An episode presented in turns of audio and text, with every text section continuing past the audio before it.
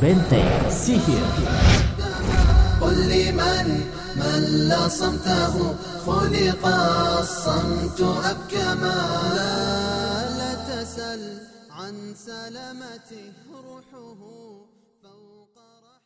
Bismillahirrahmanirrahim. Assalamualaikum warahmatullahi wabarakatuh. Alhamdulillahi wassalatu wassalamu ala rasulillah wa ala alihi wassahbihi wa man walah amma ba'd. Para pendengar rahimani wa rahimakumullah, di mana pun saja Anda berada, Alhamdulillah, kembali di kesempatan yang berbahagia kali ini, kita dapat berjumpa dalam rubrik Benteng Sihir. Pada edisi kali ini kita pun akan kembali melanjutkan pembahasan mengenai kiat membentengi keluarga kita dari sihir. Para pendengar rahimani wa rahimakumullah, pada edisi yang lalu kita sudah menjelaskan mengenai bagaimana cara kita mengobati diri ketika kita terkena sihir berdasarkan aturan syariat sampai dengan metode yang kedua. Adapun metode yang ketiga yaitu mengeluarkan sihir tersebut dengan melakukan pembekaman pada bagian tubuh yang terlihat padanya bekas sihir jika hal itu memang memungkinkan.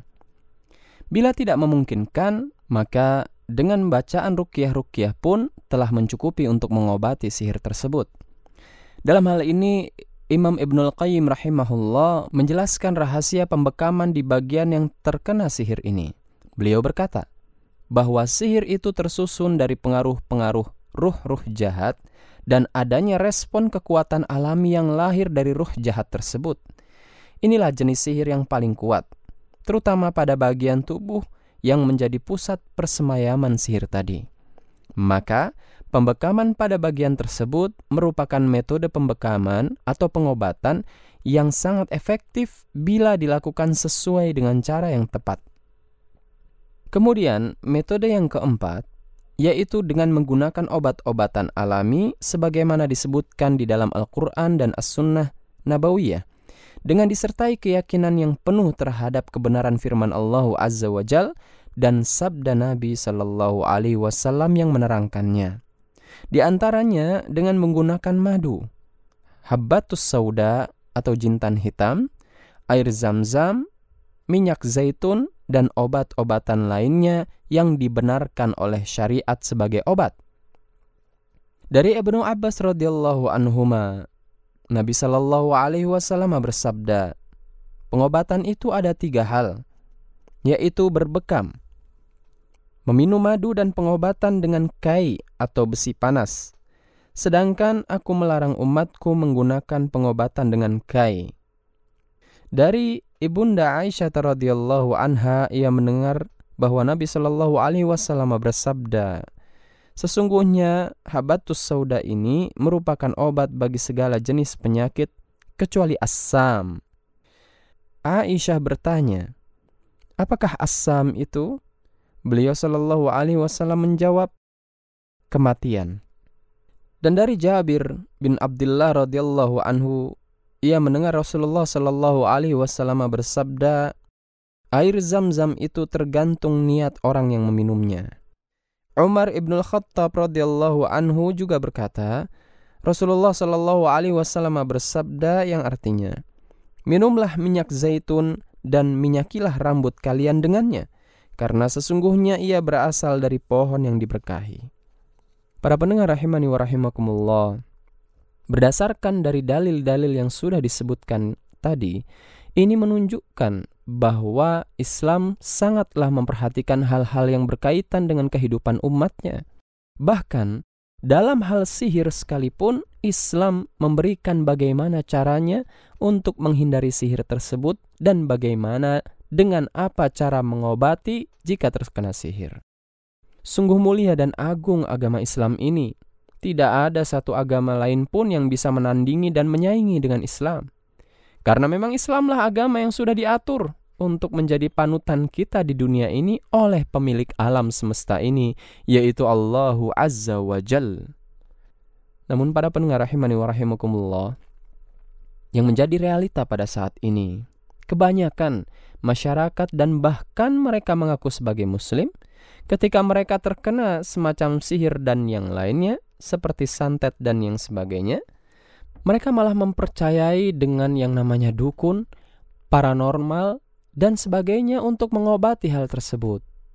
Padahal, kita sudah mengetahui bersama bahwa dengan cara yang seperti itu adalah suatu cara yang menyeleweng dari aturan syariat. Dan Allah Azza wa Jalla pun sangat keras melarangnya. Karena perbuatan yang demikian itu sangat dibenci oleh Allah Azza wa Jalla dan pelakunya pun termasuk golongan musyrik, yaitu menduakan Allah Azza wa Jal, karena telah percaya bahwa ada yang bisa menyembuhkan selain Allah Azza wa Jal. Allah Azza wa bahkan telah melarang dan mengancam para pelaku syirik seperti apa yang sudah tertera di dalam firman-Nya yaitu dalam surat An-Nisa ayat 116. A'udzu billahi samiil alimi minasyaitonir rajim. Innallaha la yaghfiru bihi wa yaghfiru ma duna dzalika. Wa may billahi faqad dhalla dhalalan. Artinya, sesungguhnya Allah Azza wa Jal tidak akan mengampuni dosa mempersekutukan sesuatu dengan dia.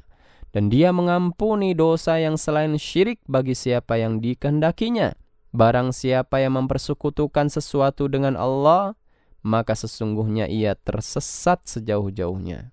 Para pendengar rahimani wa rahimakumullah, demikianlah pembahasan kita pada kesempatan kali ini. Mudah-mudahan kita bisa mengambil pelajaran dan hikmah dari apa yang telah kita bahas, selayaknya bagi kita setiap pribadi muslim terutama para pemimpin keluarga, untuk mengetahui hal ini dan mengajarkannya kepada keluarganya agar anggota keluarganya mampu membentengi diri dari kejahatan sihir. Selayaknya pula bagi pemimpin keluarga untuk mengkondisikan keluarganya agar senantiasa taat kepada Allah Azza wa Jal sang pemelihara manusia, membersihkan rumahnya serta menyingkirkan sejauh-jauhnya dari segala sarana yang mengundang kemaksiatan seperti musik, majalah-majalah yang tidak patut dimiliki, gambar makhluk hidup, dan lain sebagainya. Agar keluarganya mendapat curahan rahmat dan perlindungan dari Allah Azza wa Jal, terjauhkan dari gangguan iblis dan bala tentaranya. Semoga Allah Subhanahu wa taala senantiasa melindungi kita semua. Amin. Wallahu a'lam bissawab. Wassalamualaikum warahmatullahi wabarakatuh. أحبها ركنها قد تهدما وخصوما ببغيهم ضجت الأرض والسماء هو بالباب واقف والردى منه خائف فاهدئي يا